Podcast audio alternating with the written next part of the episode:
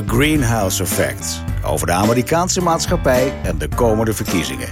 Ik ben Victor Chevoyer. Samen met Charles Groenhuizen is dit dus The Greenhouse Effect. Het is eh, voor ons tien voor zes in de ochtend. En ik ben zojuist wakker gebeld door Charles Groenhuizen. Goedemorgen. Goedemorgen. We zitten namelijk bij de nabespreking van het debat tussen Joe Biden en uh, Donald Trump. Um, Charles, het is voor mij nog helemaal vers. Vertel, hoe ging het afgelopen nacht? Of eigenlijk vroeg in de ochtend of uh, avond daar. Ja, heel interessant. We hadden een lange uitzending. Uh, we ja. zijn anderhalf uur van tevoren begonnen. Dat is eigenlijk best lang natuurlijk als voorbeschouwing. Goed, een aantal hele interessante gasten van diverse plumage om voor te praten. Leuke filmpjes. Dus ja, dan warm je ook een beetje op. Um, en um, ja, anderhalf uur debat. Dat ging bijvoorbeeld over klimaat. Het ging over rassenverhouding in de VS. Het ging uiteraard ook over corona. Het ging over uh, gezinnen. Uh, en, en, en, leiderschap. Nou, het is echt een, een, een wijde variëteit. Uh, nou ja, een eerste indruk aan mijn kant. Uh, een volstrekt andere sfeer dan we een paar, jaar geleden, een paar weken geleden hadden. Toen het ja toch een, een, een soort schreeuwpartij was. Een soort verbaal ja. kooigevecht. Uh, en dat was nu echt veel en veel beter. Ze hebben denk ik, de, de, adviseurs van Trump tegen hem gezegd... meneer de president, dat moet je echt anders doen. Want daar schiet je helemaal niks mee op. Het is misschien je karakter... Mm -hmm om iedereen onmiddellijk te interrumperen als je iets hoort waar je het niet mee eens bent. Wat hij ook heel vaak bijvoorbeeld bij persconferenties doet. Dat, dat een journalist een vraag begint en hij denkt te weten waar het gaat eindigen. En gelijk er tussen, tussen ja. een ramp terwijl je weet, in zo'n geval... die journalisten stellen ook een hele lange vraag. Want die werken voor een televisiestation en willen lekker die lange vraag uitzenden. Kort antwoord graag dan, dat je weet hoe het gaat. Ja. Uh, maar het, het is de enige die die echt interrumpeerde was inderdaad uh, de host van de avond. -hmm. en, voor de rest was het eigenlijk opvallend, was, was Trump opvallend rustig. opvallend ja, beleefd eigenlijk. En behalve die Kirsten Welker, die de, de host was, een NBC-presentator... liet hij ook Biden uitpraten. het was natuurlijk afgesproken dat ze steeds bij de openingsstatements per onderwerp in de eerste twee minuten uh, niet geïnterrumpeerd zouden worden. Maar dat probeerde Trump ook niet. Ze zeiden achteraf, of zeiden vooraf wel, gaat hij er toch doorheen lopen te toeteren. Nou, dat heeft hij niet gedaan. Dus heeft Kon je dat überhaupt? Dat... Want ik had uh, verhalen van tevoren gehoord... dat ze een soort mute-knop zouden hebben. Dat op het moment ja, dat iemand het nog, woord had, het ook echt stil was. Was dat die was eigenlijk gewoon niet nodig, Victor. Was die nodig? Oké. Okay. Trump hield gewoon zijn mond. Ik denk echt ja. dat ze hem streng hebben toegesproken. En dat ze ja. waarschijnlijk ook interne polscijfers van hebben dat dat, dat niet werkt. Uh, dat deed hij eigenlijk heel verstandig. Nou, de, en Biden, uh, de, de, grote vraag was natuurlijk, blijft hij overeind? Dat ja. was de vorige keer ook de vraag. En toen konden we zeggen, ja, hij bleef overeind. Uh, dat was nu ook het geval. Er staat nog steeds wel een, vind ik, vrije, toch kwetsbare oudere man. Ja. Uh, maar die, die ook, ook, vond ik, sterke momenten had... in de manier waarop hij ook uh, met name Trump pareerde. Ik vond een nadeel, maar dat vond ik de vorige keer ook bij Biden... dat het wel heel erg is uh, dat hij vertelt wat hij fout vindt... aan het beleid van Donald Trump. waarmee je ook gelijk Trump dan de kans geeft om te roepen van... ja, maar ho, ho, ho, meneer, meneer de vice-president... u loopt al een jaartje of 50 in Washington rond... wat ik wat niet goed je... gedaan heb, waarom heb je het zelf niet gedaan? Precies, wat heb je zelf gedaan in ja. al die jaren? Ja. Goeiedag. En, en, uh, en terecht, hè? En terecht. Hij heeft natuurlijk nou, wel jaren... Ja, voor deel zeker. Ja. ja. de andere kant, de Republikeinen hebben ook al veel onmogelijk gemaakt. Maar goed, dan ga je een beetje in dat soort details. Uh, mm. Dus ik, ik, ik, vond het zelf een gelijk spel. Uh, wat je her en der ook op social media leest... is dat Donald Trump toch met een aantal effectieve one-liners... Biden ook wel een beetje in een hoek gekregen heeft. Een, een, een fameus moment, dat zou een fameus moment kunnen worden... toen het ging over bijvoorbeeld de olieindustrie... Uh, heeft, heeft Biden ook mede na een interruptie van Trump gezegd... Van, ja, ja, daar gaan we toch op den duur wel mee stoppen daar. Mm -hmm. uh, nou ja, dat doet me een beetje denken aan uh, vier jaar geleden... toen Hillary Clinton hetzelfde onderwerp aansneed... maar dan ging het over de, de, de mijnbouw, de koolindustrie in bijvoorbeeld West ja. Virginia... Maar ook cruciaal in een, in een battleground state als Pennsylvania. Nou, daar heeft Hillary toen heel erg veel last van gehad. Mm. Maar je weet, Texas is ineens toch politiek een interessante staat aan het worden... Of het na de opmerking over het einde van de olieindustrie nog zo is... dat, dat zou wel eens gevolgen kunnen hebben. Uh, en dus al met al, ja, dat is eigenlijk mooi. Ja, wie van politiek houdt, heeft een fijne avond gehad. En ik hoor daarbij, dat weet je. Um, als je het hebt over de andere thema's waar het uh, veel over zou kunnen gaan... is er nog gesproken over abortus? Is er gesproken over uh, de kwetsbaren in de samenleving? Hebben we het gehad over Black Lives Matter? Nee, eigenlijk opvallend Abortus is niet aan de orde geweest. Supreme Court eigenlijk ook amper. Ik zou Joe Biden wel eens even flink hebben ondervraagd over de vraag of hij extra rechters in het Supreme Court wil gaan zetten. Mm is nauwelijks, nauwelijks aan de orde geweest. Uh, Black Lives Matter wel. Nou, dan gaat het gelijk wel weer van jetje. Want ja, we weten, Donald Trump heeft het afgeschilderd als een extreem linkse en voor een deel op geweld uitzijnde organisatie. Nou, dat is tamelijk ongenuanceerd natuurlijk. Ja. Tegelijkertijd kwam, ik vond op dat punt Joe Biden ook wel met een sterk verhaal. Waarin hij toch heel, heel helder uiteenzette zijn visie op de ongelijkheid. En met name ongelijkheid in kansen voor African Americans en andere mensen van kleur, people of color, zoals ze in Amerika heten. Uh, dat zette hij helder uiteen. Vervolgens, maar goed, dat hebben we al eerder van Donald Trump gehoord. Uh, ging het ook over racisme. Uh, en kregen we weer de one-liner van Donald Trump: I'm the least uh, racist person in the room. Ik, er is niemand in deze zaal die minder racistisch is dan ik. Nou, als je dat zet tegenover de verwijteren die met name van links veelvuldig krijgt dat hij wel een volbloed racist is, is dat toch wel een interessante tegenstelling waar kiezers vervolgens hun, hun mening over mogen geven. Ik ben altijd vrij spaarzaam met het woord racist, want ik vind het wel heel erg zwaar. Eh, maar daar, daar kwamen wel de verschillen tussen Trump aan de ene kant en Joe Biden aan de andere kant wel glashelder naar voren. Uh, dus mhm. degenen die nog getwijfeld hebben, uh, die hebben daar misschien, een, een, een, of misschien argumenten in gevonden om de een of de andere kant op te gaan. Oké. Okay. Um, wat natuurlijk ook niet een onbelangrijk thema is, is het beleid met betrekking tot corona. Ehm, en ik lees net uh, online dat er een, een, een, leuke opmerking geweest is uh, van uh, Joe Biden. de president zegt dat we hiermee leren leven. Nee, we leren hiermee dood te gaan. Is dat ook voor jou betreft een belangrijk thema? Ja, dat, dat, was, dat was ook een mooie openingszin van, van Biden. Het was een van de momenten die ik wel sterker vond. Kijk, mhm wat je, eh, eh, eh, Donald Trump begon met dit onderwerp. En die presenteert wat er nu de afgelopen maanden in de Verenigde Staten gebeurd is als een grote overwinning. En een bewijs van zijn ongekende, leiders, ongekende leiderschapskwaliteiten. Nou, daar denkt niet iedereen hetzelfde over, dat weten we. Kijk, hij zegt... zacht uitgedrukt. Dat is nog zacht uitgedrukt. Ja, ja. als we niks hadden gedaan, dan waren er niet 200.000, maar 2 miljoen doden geweest. Nou, dat is ooit als een getal wat genoemd is en daar houdt hij zich dan heel erg aan vast. Uh, daartegenover zegt Biden van ja, wat hier gebeurt, uh, vergelijk ons met Europa en we komen er belabberd af. Trump zegt daar weer precies het tegenovergestelde van. Wij komen er juist heel goed af vergeleken met Europa. Nou, dat laatste is niet waar. Eh, Europa doet het gemiddeld. We zitten in grote zorgen hier in Europa en ook in Nederland. Maar we doen het nog wel beter, afhankelijk van welk land je ook een beetje kijkt. Maar we doen het echt gemiddeld beter dan de Verenigde Staten. dus op dat punt heeft, had, had Biden absoluut een punt.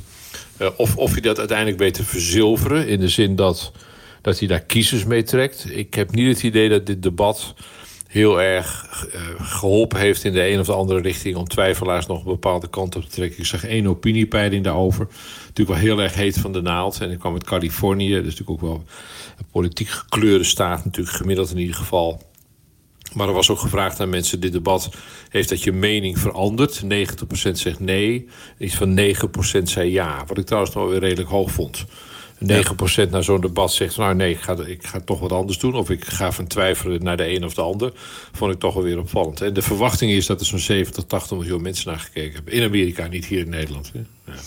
Um, en is dat aantal veel of weinig? Nee, Nederland niet. Want ik, ik lag ook nog lekker in mijn bed, Charles. Er ja, zijn mensen die gewoon moeten werken en zo, weet je. Maar goed, we hebben wij weer een voordeel aan, want die gaan luisteren hiernaar. Ja, anderen blijven gewoon op. Ja, dat is ook een gezond iets, zeggen ze dan. Ik denk het niet. hey, um, nog even een andere vraag. Vorige keer was het een heel belangrijk thema. Uh, belasting betalen. Die 750 dollar die uh, Donald Trump betaald zou hebben en niet meer. Is dat nog een thema geweest? Ja. Dat is uh, uitdrukkelijk naar gevraagd door, uh, door de moderator, uh, Kirsten ja. van, van NBC. en ja, ik vond dat Trump daar wel een beetje makkelijk mee wegkwam. Dat gaat om dat fameuze bedrag van 750 dollar. Precies. Dat hij betaald zou hebben. En dat was een beetje weinig als je multimiljonair, miljonair en zelfs miljardair bent. en dat, daar, kwam, daar kwam Eigenlijk over belastingen kwamen twee redelijke standaard antwoorden over zijn belastingaanslagen. Nee, die komen er nu echt aan. Dat gaan we nu zo snel mogelijk doen. Nou, dat hoort het nu al vier jaar. En elke voorgaande president heeft altijd onmiddellijk zijn belastingpapieren overlegd. Trump heeft altijd de smoes gebruikt. Er is een audit gaande, dus zeg maar een onderzoek door de Belastingdienst naar mij. En zolang dat onderzoek gaande is, mag ik die stukken niet publiceren. Nou, dat is gewoon niet waar. Uh, je mag het best publiceren en intussen gaat de Belastingdienst vrolijk verder met het onderzoek. Uh, en het tweede wat hij noemde, en dat, dat, dat was uh, toch ook wel weer interessant... die zegt van luister, ik, ik heb miljoenen, vele miljoenen aan belasting betaald. Sterker nog, ik heb het zelfs vooraf betaald. Nou, dat, dat is op zich, uh, dat hij miljoenen belasting heeft betaald... dat klopt, net als die 750 dollar klopt. En dat lijkt tegenstrijdig. Maar die miljoenen, dat slaat voor een groot deel op bijvoorbeeld corporate taxes. Belastingen die hij als bedrijf of met zijn bedrijven betaalt. Mm. Ik heb toevallig van de week naar de Belastingdienst weer van een kwartaal BTW overgemaakt omdat ik dat op een goed moment uitbetaald krijg van opdrachtgevers. En vervolgens moet ik dat weer keurig doorsluizen naar uh, Wopke Hoekstra. Nou ja, dus dan betaal ik in één keer betaal ik een paar duizend uh, euro in mijn geval uiteraard belasting. Maar ja, dat is niet iets, dat is anders. Is niet waar ik een schouderklopje voor verdien, één. En twee, is dat geen inkomstenbelasting... want dat is het geld wat een opdrachtgever mij betaalt... en wat ik vervolgens moet doorsluizen naar de Belastingdienst. En dat geldt voor heel veel soorten belasting... als je grote bedrijven hebt, heb ik niet, maar hij wel. Mm. Dus, en, en dan valt mij wel op... Uh, dat zo'n moderator, maar ook Joe Biden niet zegt... ja, maar ho, ho, ho, uh, Donald, uh, die 750, joh, dat, dat ontkent hij niet... Maar hij verbreedt het dus naar belastingen in het algemeen... zonder te specificeren in dit geval de inkomstenbelasting. Want daar zit de crux dat hij maar voor 750 dollar en inkomstenbelasting heeft betaald. Nou ja, zo is het alle twee een beetje vind waar. Jij, vind jij dat die, dat, die, dat die Kirsten als moderator daar eigenlijk op had moeten doorvragen? Is dat iets ja, vind ik wel, ja. Van, ja. Omdat ja, het ook wel feitelijk in, in kranten behandeld is. Uh, en ook wel geanalyseerd dat, dat zijn ontwijkende antwoord op dit vlak... Uh, op, op zijn minst niet helemaal waarachtig is, om het voorzichtig uit te drukken. En dat is toch best even een dingetje van meneer de president... die miljoenen, wat voor soort belasting was dat dan? Ja. Uh, en dan ja. zal hij vertellen dat het corporate tax geweest is... of dat hij het niet precies weet, weet ik niet wat er als antwoord gekomen zou zijn... Maar dat maakt het wel net, net ietsje helderder. En je weet natuurlijk, in zo'n geval bij zo'n debat... met zo'n breed publiek ook dat niet iedereen heel erg geïnformeerd is. En het aantal mensen dat zal weten dat voor een deel zijn antwoord zeer ontwijkend en dus eigenlijk onjuist is. Dat zullen niet zo heel veel mensen weten. Hmm. Um, is er nog gesproken over de zoon van Trump... wat de vorige keer toch ook wel een uh, redelijk uh, heikel punt was? Nou, kijk, dat vond ik Trump wel weer vrij slim doen. Het ging niet heel erg over Hunter. Maar het ging wel over alle betalingen via dat Burisma, hè, die, dat energiebedrijf in de Oekraïne en Russen enzovoort. Waar de familie, en dan, dan veralgemeniseert Trump het een beetje. Waar de familie van Joe Biden geweldig van geprofiteerd heeft. Met miljoenen dollars. Nou, Biden ontkent dat. Maar wat ik wel opvallend vond, is dat, de, dat het amper ging over die e-mails en die in beslag genomen computer, die laptop waar het op zou staan. Ja. Ook niet ja. over een mogelijk een seksfilmpje van die Hunter wat erop zou staan enzovoort. Hij hield Mhm. het veel meer in het algemeen, Trump, van dat de familie Biden op een schandelijke manier misbruik heeft gemaakt van hun positie en miljoenen dollars is betaald her en der. Biden ontkent dat dan vervolgens. Uh, maar, maar, wat uh, Trump dan toch wel weer slim doet, is gewoon dat een aantal keren achter elkaar herhalen. Uh, en we weten daarvan, als je dingen vaak herhaalt, zijn er altijd een aantal mensen die het niet A onthouden. En B, omdat ze het zo vaak gehoord hebben, de volgende dag denken dat het ook waar is. en ja, en, en, en, dat kwam bijvoorbeeld ook terug. Nou ja, zou er ook niet simpelweg een kern van waarheid in kunnen zitten? Dat er dat wel degelijk geldstromen zijn? Dat, dat zou kunnen, er is alleen geen bewijs voor. Dat kan nog komen, maar tot ja. op de dag van vandaag is het uh, een, een, een, een, reeks geruchten. Uh, waarbij mensen als Steve Bannon en Rudy Giuliani betrokken zijn geweest. Nou, precies. Ja. Geen waterdichte garantie, garantie dat dus dit de waarheid is. Integendeel, dan is er een, moet je op z'n serieus rekening mee houden dat het in werkelijkheid heel anders zit. Maar zeker, kijk, één kun je vaststellen dat het feit dat uh, Joe Biden niks heeft gedaan aan dat bijbaantje van zijn zoon. Kijk, die Hunter, Hunter is een beetje een gemankeerd type. Uh, die heeft ontzettend gedoe met drugs gehad, met drank. Uh, een aanklacht van een vrouw die zei... je hebt me zwanger gemaakt terwijl ik dat niet wilde. Nou, een aantal dingen ja. achter elkaar. En dat baantje wat hij bij Burisma heeft gekregen... en de maandbedragen lopen uiteen... maar het minimum wat ik gehoord heb is 50.000 dollar per maand. Dat vind ik een vrij stijf. Meer, dat is toch niet meer een, ba een nee, baantje? dat is geen fooi. Nee. Uh, en kijk... Uh, op dat moment was, was Papa Joe was vicepresident en bemoeide zich vanuit zijn vicepresidentschap met de Oekraïne. En mm. vervolgens, dus toen die hele kwestie naar buiten kwam en, en de mogelijke consequenties daarvan, de details weten we dus niet, heeft Joe Biden een aantal keren gezegd: luister, ik heb hierover met mijn zoon nooit gesproken. Ja. Als verdediging. En Hmm. dan is mijn reactie, ja, nooit over gesproken, dat is wel heel erg raar. Dan ben je een hele slechte vader. Ja, dat is een beetje ook- bijzonder, ja. Het is ook een volwassen man, die zoon, die Hunter. Maar hij is toch iemand- ook 50, geloof ik? ja, zoiets. We hebben iemand met zo'n verleden en eh, zo'n baantje aannemen. Heftig ontraden door mensen om hem heen. Van Hunter, dat moet je niet doen. Dat is foute boel. Stay away. Geen risico. Voor jezelf niet. Voor je vader niet. Doe het alsjeblieft niet. En heeft het toch gedaan. En als dan papa Joe zegt... ik heb er nooit met hem over gesproken... denk ik van, ah, vind ik het tamelijk ongeloofwaardig. Ja, ik zeg niet dat hij liegt, maar het is wel een beetje raar, Victor, toch? Hè? Ja. Ja. Nou, En dat vind ik niks- zeker. Ja. en zo- zo'n kwestie bespreek je juist met je zoon. En zeg je van, hallo, ik ben vicepresident. Blijf daar alsjeblieft weg. En los van mijn baan, ook voor jou is het niet goed... als je dit soort dubieuze dingen aanneemt. Maar dat Mhm. wil nog steeds niet zeggen dat of Hunter... of Joe, of alle twee, strafbare feiten hebben gepleegd. Of dingen hebben gedaan die moreel verwerpelijk zijn. Daar Nee, is maar het geeft wel een bepaalde schaduw, hè? Het geeft wel een bepaalde schaduw. En dat, Het is vind ik toch Die- wel jammer voor baantje is gewoon foute boel. Ja. Is gewoon Ja. eh, eh, niet goed gedaan, punt. Vind ik. Is eh, eh, China nog aan de orde geweest? Want ook daar zou geld ontvangen zijn, meen ik. Ja, maar dat geldt hetzelfde voor. En, eh, dat is de omgekeerde trouwens ook gezegd. Joe Biden zegt, ja, ho, ho, ho, meneer Trump, maar u heeft een bankrekening daar in China. Ja, dat klopt, zegt Trump. Ook een aantal jaren geleden al opgeheven. En natuurlijk, Ja. ik deed zaken zoals iedereen, of bijna iedereen, eh, ook vanuit de Verenigde Staten, nou iedereen, in ieder geval heel veel ondernemers Ja. investeren en hebben dus bankrekeningen in China. Wat is daar nou verkeerd aan? Nou, nou, nou, daar, is de, daar moet de onderste steen nog wel boven komen. Mhm. dus, maar goed, dan is het ook in zo'n debat ook niet het format om dat nou eens heel feitelijk te gaan uitzoeken. Want het wordt dan gauw natuurlijk geweldig saai. Eh, om- en, en ook bovendien is de vraag of Donald Trump daar echt de details van weet. Behalve de algemeenheden die hij van medewerkers ingefluisterd krijgt. Eh, en, en het ging natuurlijk wel over de strafmaatregelen van China. Of tegen China eh, vanwege dumping en on- oneerlijke handelspraktijken enzovoort. Ja, en daar gaat het dan wel heel erg heen en weer van wie er nou de grootste slachtoffers zijn. Nou ja, Biden denkt aan de Amerikaanse boeren, ook de heffingen, waardoor ze minder kunnen exporteren naar China. En het omgekeerde zegt Trump, ja, maar ik steun ze. En uiteindelijk moeten we gewoon wel een vuist maken tegen China. Dus dat. eh, Is er überhaupt nog eh, enige aandacht geweest voor eventuele invloed vanuit het buitenland op de verkiezingen in de Verenigde Staten? Of is dat geen thema geweest? Jawel, ook het nieuws nu van, zeg maar, van de afgelopen dagen. Eh, waarvan eh, Biden dan zegt, ja, eh, Trump, daar heb je eh, niet genoeg aan gedaan... want je bent ook een vriend van Poetin. Hè, dat zit er ook een beetje daaronder. Eh, en Trump zegt juist weer van... er is nooit een president geweest die en China en Rusland zo hard heeft aangepakt. Eh, nou ja, dit, dit is alle twee een klein beetje waar... maar het, het, het blijft ook die, die beïnvloeding eh, van de verkiezing... hoewel het, ik denk uiteindelijk... ik heb daar een beetje over zitten lezen vandaag ook... gaat het over een aantal e-mails die gestuurd zijn... waarvan een groot deel is ondergeschept eh, als spam... Al in een vroege fase, dus gewoon nooit bij mensen terechtgekomen. Eh, en het schijnt ook dat het ook wel vrij gebrekkig geschreven is. Nou, dat heb je vast ook wel eens gehad. Dat je toevallig een e-mail opent, of per ongeluk moet ik zeggen, een e-mail opent. En dan ga je het zitten lezen en denk je van, wat voor analfabeet heeft dit nou zitten schrijven?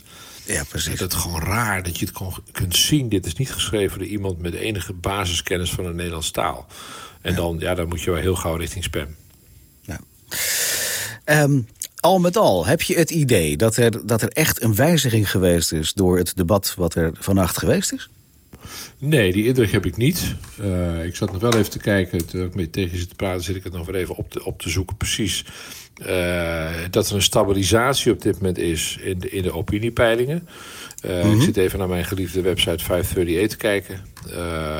waar nu de laatste stand is dat eh, Joe Biden, eh, even kijken, 10,7 procent. eh, dat is de.